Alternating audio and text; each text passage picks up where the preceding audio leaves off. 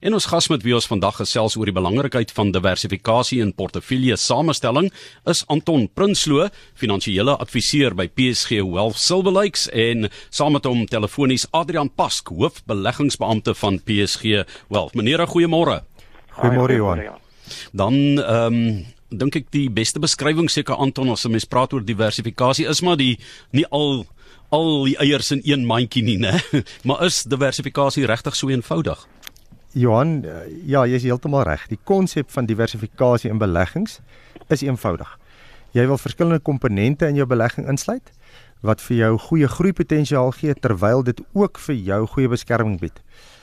Maar hoewel die konsep van diversifikasie eenvoudig is, is dit so dat die implementering daarvan nie net so eenvoudig is nie, omdat die doel van diversifikasie is om sinvol, ehm um, jy weet hierdie twee komponente met mekaar te kan kombineer. Goeie opbrengs en ook ehm, 'n um, beskerming van van kapitaal. Nou, as dit dan nou nie so eenvoudig is nie, waar begin 'n mens as jy wil diversifiseer? Johan, as 'n mens heel by die begin wil begin, is die belangrikste wanneer 'n mens geld belê om te verstaan wat jou eie behoefte is, want 'n mens se beleggingsbehoefte val gewoonlik in een van drie kategorieë of in 'n kombinasie van hierdie ehm um, tydshorison kategorieë korttermynbehoeftes wat 'n mens het is 12 tot 2 jaar, jy weet 12 maande tot 2 jaar behoeftes. Ehm um, mediumtermynbehoeftes hier 3, 4 tot omtrent so 6, 7 jaar. En dan langtermynbehoeftes is wanneer 'n mens eintlik spaar vir iets vir eendag soos vir aftrede. Nou die belangrike om te verstaan van jou eie behoefte is waar waar pas dit in in terme van 'n tydshorison. As jy jonk is en jy spaar vir aftrede, dan is jy eintlik net betrokke in die langtermyn gedeelte. Maar as jy by aftrede kom en jy wil fondse belê, dan is dit belangrik dat jou portefeulje eintlik oor al drie hierdie tydshorisonne gediversifiseer moet word, want jy het 'n korttermyn behoefte aan inkomste en ook so in die mediumtermyn en dan het jy ook 'n langtermyn ehm um, behoefte aan groei terwyl jy eintlik ook, jy weet, in die kort en die mediumtermyn belê is. So My fondse moet volgens my behoeftes aan verskillende tydshorisonne gediversifiseer word en dit begin deur eintlik my behoeftes te te verstaan um oor wat presies ek wil bereik. Nou ons gaan nou horisonne verken saam met jou. Goed, ek verstaan nou my behoeftes, maar hoe diversifiseer ek nou die portefeulje om myself te beskerm en terselfdertyd my risiko te bestuur? Ek dink die belangrike beginpunt hier um Johan is om te verstaan waar en hoe 'n mens kan belê om vir jou verskillende um jy weet uitkomste te gee. Baie belangrik en dis waar ek Adrian bietjie hier in die gesprek gaan gaan betrek is dat 'n mens sal verstaan dat ons basies 4 tipes bates het om in te belê en elkeen van daai tipe bates het 'n eie plek en ook 'n eie tipe gedrag en ek gaan vir Adrian vra om so 'n bietjie daaroor uit te brei. Hallo Adrian. Haai julle en dankie Anton. Ek dink dis 'n baie geldige punt en, en waar jy eintlik ehm um, die hele gesprek begin in terme van ehm um, die die beleggingshorison want dit is op die ou einde um, die heel belangrikste ding om in gedagte te hou wanneer jy die portefeulje bymekaar gaan sit. So as jy 'n meer konservatiewe portefeulje wil bou, dan kan jy aanvaar jy gaan nie wisselvallige bates ehm um, tot 'n groot mate daar kan gebruik nie ehm um, goed soos aandele in daai daai klas van instrumente. Aan die ander kant ehm um, moet jy nou weer begin kyk na goed soos geldmark, maar dit beteken ook nie noodwendig dat jy nie daar kan diversifiseer nie. Ehm um, as jy tipies dink aan ehm um, selfs met banke is daar tog risiko want baie van die deposito's word natuurlik op die balansstaat gehou. Ehm um, as jy bietjie verder opgaan in die risiko spektrum na staatseffekte toe, ons weet daar's natuurlik ander ander ehm um, probleme met van van daai areas. Ehm um, so weet ons 'n klomp goed wat jy in gedagte moet hou wanneer jy ehm um, 'n portefeulje saamsit, selfs al is dit 'n meer konservatiewe portefeulje. En dan dan dink ek die die die konsep waar uh, luisteraars dalk meer vertroud is met met diversifikasie as 'n konsep is dalk by aandele. Ehm um, waar ons weet sekere aandele is meer siklies as as ander. So jy kyk na tipies na hulpbron aandele of finansiële aandele wat baie ehm uh, geskoor is op die ehm um, plaaslike ekonomie. Uh, sal tipies meer siklies wees as van die ander goed wat dalk meer defensief is soos um, soos voedsel en daai daai tipe industrie. So daar's 'n klomp tipe goed wat mens kan doen binne 'n portefeulje ongeag van hoe hoe die die die risikoprofiel van die produk lyk waarmee mens kan speel om seker te maak jy kom by die regte doelwit uit in terme van die van die risikobestuur. Maar terselfdertyd hou jy in jou agterkop wat wat is dit wat jy op die einde probeer bereik met elke tipe produk in terme van die kliënt se se se doelwit en dit is waarna waarna Anton verwys. Ons gaste is Anton Prinsloo, finansiële adviseur by PSG Wealth Silver Lakes en pas ook Adrian Pasgehoor, hoofbeleggingsbeampte van PSG Wealth. Nou ehm um, Adrian ons het nou 'n bietjie gepraat oor die oor daai uh, kombinasies wat 'n mens kan kry. Ek dink aan geldmark staatseffekte, eiendom, aandele, maar uh, jy weet dit is nou dat jy nou nie al die eiers in een mandjie het nie en ook in daardie opsig kan diversifiseer. Jy weet as mense wat by die geldmark begin, dan is dit kontant onder die matras, né? So dis hoe ver as wat dit teruggaan, maar ehm um, sluit 'n bietjie aan by by Adrian oor die Suid-Afrikaanse belegger spesifiek. Ehm um, Johan ja, ek dink heeltemal reg. Soos Adrian gesê het, mense kombineer, jy weet, geldmark staatseffekte, jy het nou net genoem eiendom en aandele. Maar vir 'n Suid-Afrikaanse belegger is dit ook belangrik om diversifikasie nie net in die verskillende bates en bateklasse te doen nie, maar om ook diversifikasie te doen deur na die buiteland toe te beweeg met 'n gedeelte van 'n mens se portefeulje. So diversifiseer jy ook in verskillende ekonomieë in.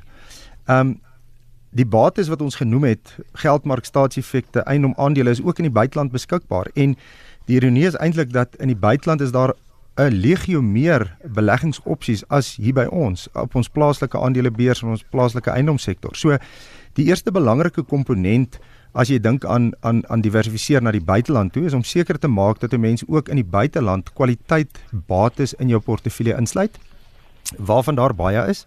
Ehm um, want jy het ook toegang soos ek sê tot kwaliteit aandele en industrieë en sektore wat nie in Suid-Afrika bestaan nie. So diversifikasie na die buiteland toe in die eerste plek het te doen met jou jou batepool wat jy uitbrei na buitelandse bates toe.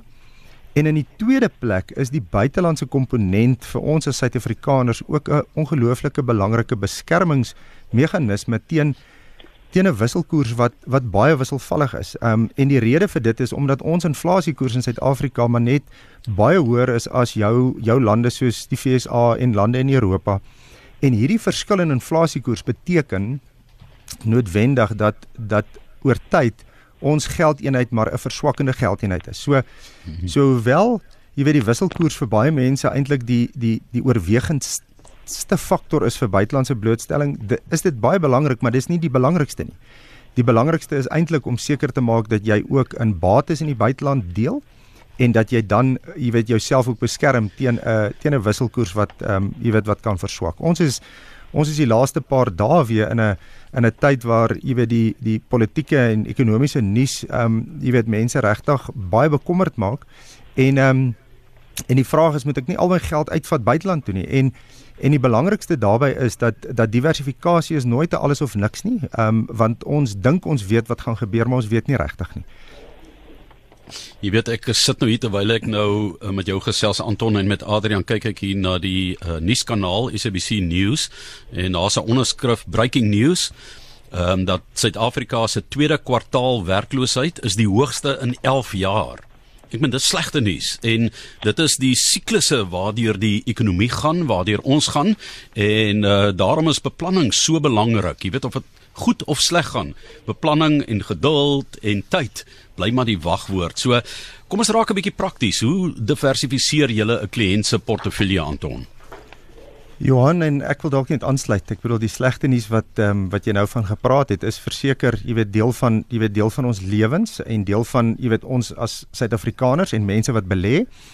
Maar die belangrike is om te midde van die slegte nuus nog steeds sekere beginsels toe te pas in 'n mens se portefeulje samestelling en om nie toe te laat dat die ekstreme negatiewe maak dat 'n mens ekstreme besluite maak nie, maar om regtig oordeelkundig by 'n plan te begin. En dis hoe dis hoe ons kliënte se portefeuilles saamstel is eerstens om te verstaan uit 'n kontantvloei model uit hoe hoe lyk 'n kliënt se behoeftes in terme van sy tydshorisonne.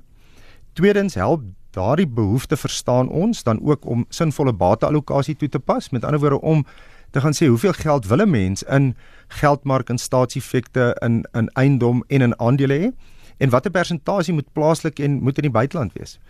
Derdens vind hierdie diversifikasie dan plaas deurdat ons portefeulje saamstel wat uit verskillende fondse bestaan, verskillende effekte trustfondse of dan ook 'n kombinasie tussen effekte trustfondse en direkte aandele.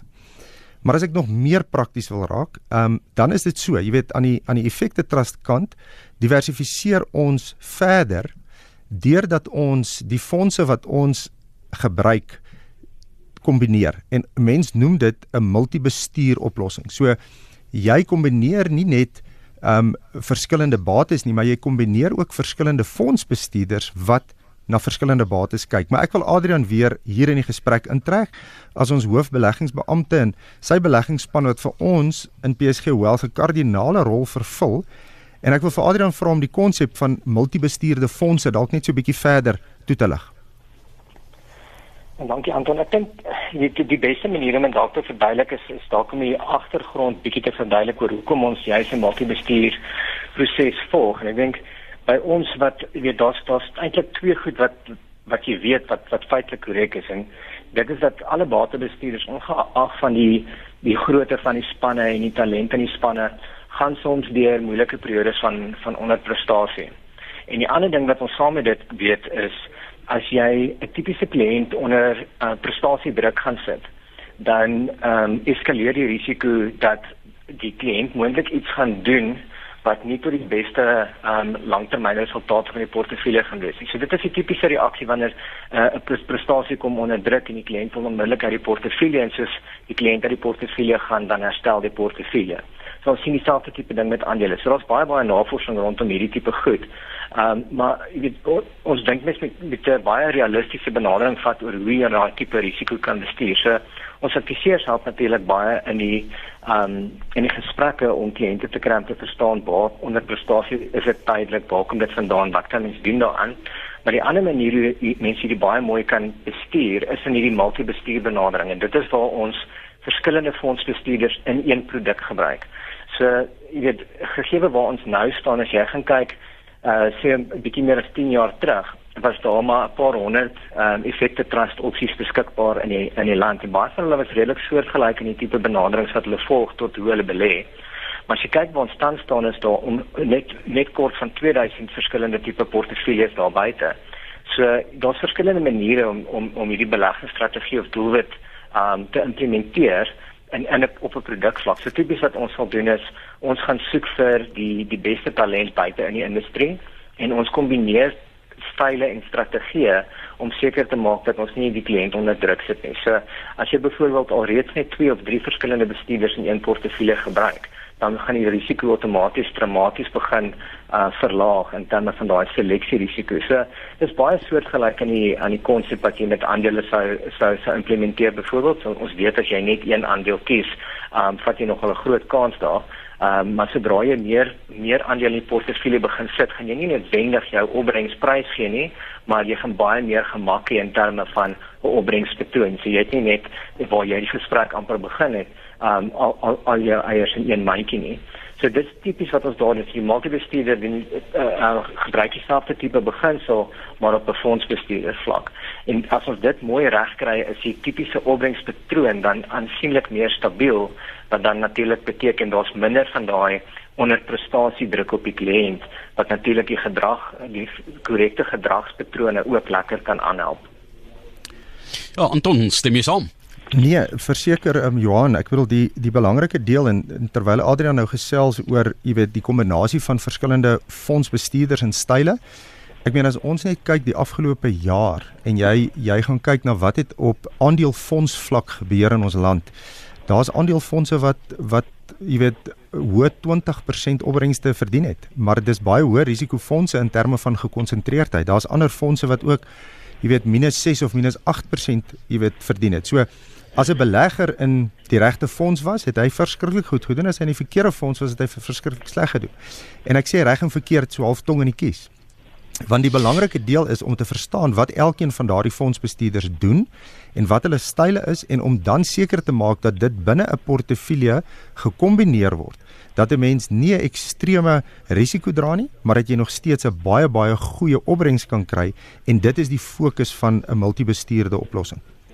Nou nou Anton, ehm um, so 'n multibestuurde oplossing waarna jy verwys, die fondse wat diversifieer op fondsvlak en jy kyk na verskillende fondsbestuurders wat betrek word en gekombineer word, verhoog dit nie die kostes nie.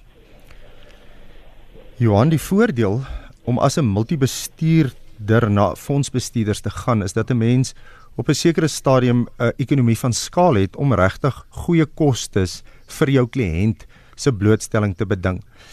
Die realiteit is dat ehm um, hoe hoe Adrian hulle hierdie proses bestuur en beheer, is dit vir kliënte goedkoper om in 'n multibestuur opset te belê as om individueel na verskillende fondsbestuurders te kan gaan. En die belangrike deel is die effek wat kostes oor tyd in 'n portefeulje het is verskriklik verskriklik belangrik.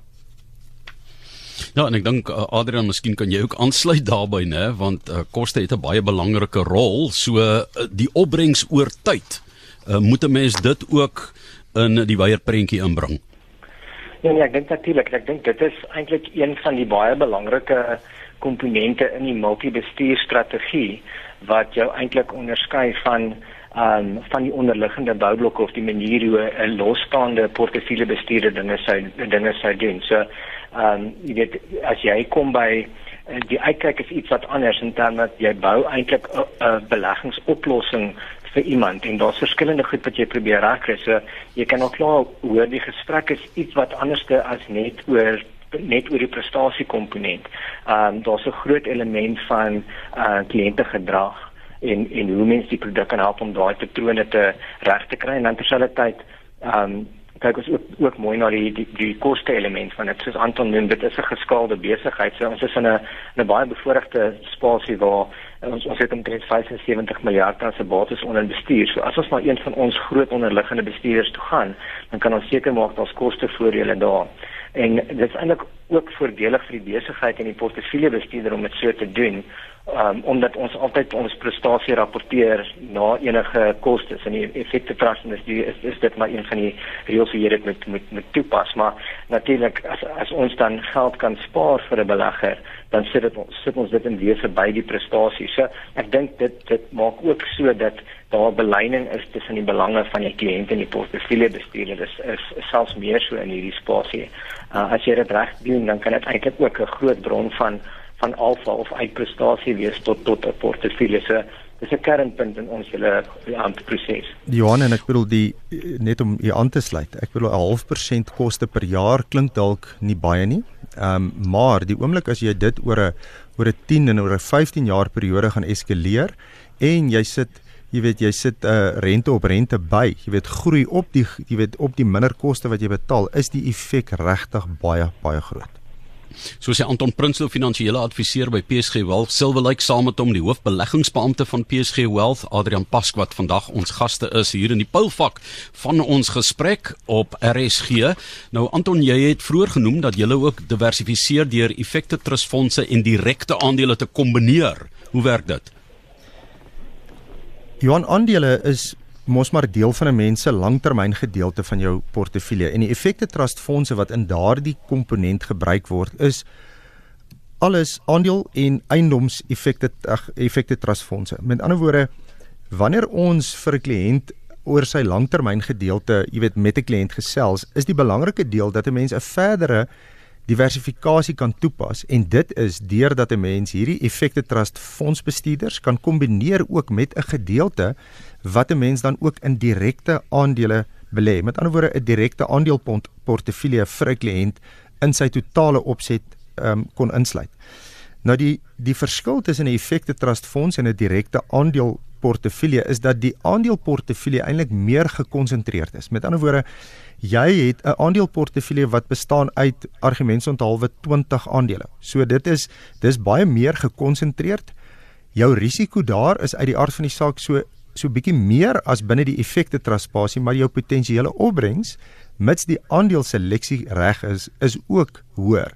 So wanneer 'n mens direkte aandele en effekte trusts in die langtermyngedeelte van 'n kliënt se portefeulje sou kombineer, dan verruim jy eintlik die diversifikasieproses. Ehm um, en jy gee vir 'n kliënt ook die geleentheid om die beste van twee wêrelde te kry, gefokusde individuele aandele tesame met meer gediversifiseerde aandelefondse wat dan ook ehm um, jy weet baie baie spesifiek geselekteer hmm. word om om 'n spesifieke uitkoms te probeer kry. So mens moenie net altyd probeer om die room te skep nie. Nee, dit ek dink dit is juist die die, die hele beginsel is om te verstaan uh, wanneer jy hierdie goed bymekaar steek is om te verstaan wat die rol van elke tipe het sy dit 'n uh, bateklas of 'n uh, 'n uh, portefeulje is in in jou in jou oorhoofse portefeulje. Wat is alkeen veronderstel om te doen? Waar maak hy 'n bydrae? Is dit op die koste kant? Is op het, op die groei kant bring dit 'n bietjie meer ehm um, van die wisselvalligheid weg? Ehm um, en as jy gaan kyk na die die oorhoofse prentjie dan kan jy gaan sien waar is die risiko's um, wat moet ek nog aanspreek as ek uh, as ek nou nog nie heeltemal gelukkig is met, met wat ek sien nie. So daai eh, beste bateklas of enkele beste fonds, dit is amper gevaarlik om so te dink. Die antwoord lê seker maar meer in die kombinering van verskillende komponente, né? En en dis waar jy in die wetenskap ou kom Adrian van statistieke navorsing. Ja, nee, absoluut. Ek dink jy kan altyd baie navorsing doen oor verskillende goed um, in in in die mark en dit help mens natuurlik om baie meer gemaklik te voel met hoe jy 'n portefeulje wil, wil bymekaar sit. Maar die einde van die dag um, kan jy met met 100% sekerheid sê watter kant in die mark gegaan het vir al die korttermyn en dit is nou juist waar die diversifikasie komponent um, uiters handig is. So uh, mense sal maar sien reg hierdie industrie uh, mense aanvaar daai diversifikasie komponent is tog krities tot tot hoe hoe jy jou portefeulje met bymekaar sit. Hierdie gesels is aangebied deur PSG Wealth Silver Lakes George Central en Mossel Bay Dias. Ons gaste Anton Prinsloo, finansiële adviseur by PSG Wealth Silver Lakes en Adrian Pask, hoofbeleggingsbeampte van PSG Wealth. Anton, ons moet afsluit so laaste woord van jou kant af. Hoe weet ek of diversifikasie werk? Johan, die toets van diversifikasie is uit die aard van die saak tweeledig. Jy weet, beskerm dit jou teen kapitaalverliese of teen uitermatege, jy weet, negatiewe opbrengste of swak opbrengste en die tweede vraag is is die opbrengs wat jy behaal in lyn met jou doelwit.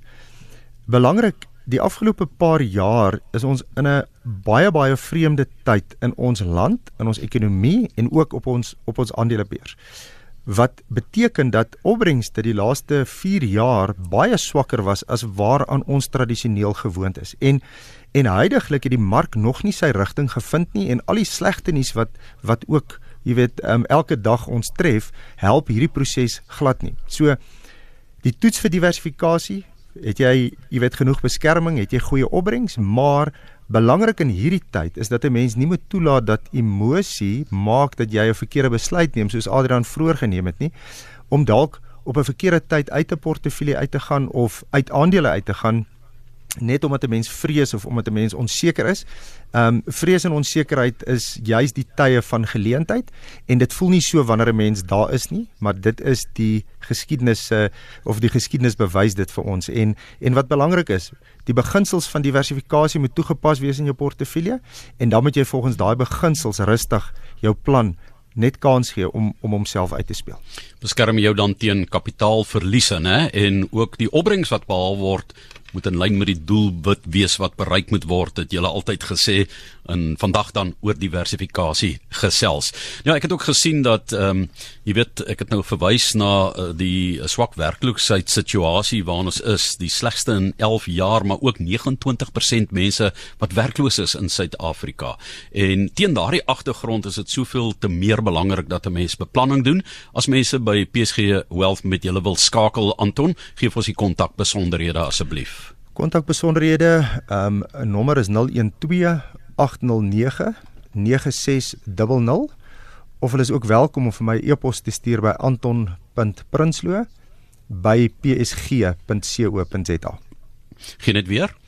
012 809 9600 of anton.prinsloo@psg.co.za. Baie dankie Anton, uh, Adrian vir jou bydrae ook. Sterkte vir julle vir die res van die dag. Baie dankie Johan.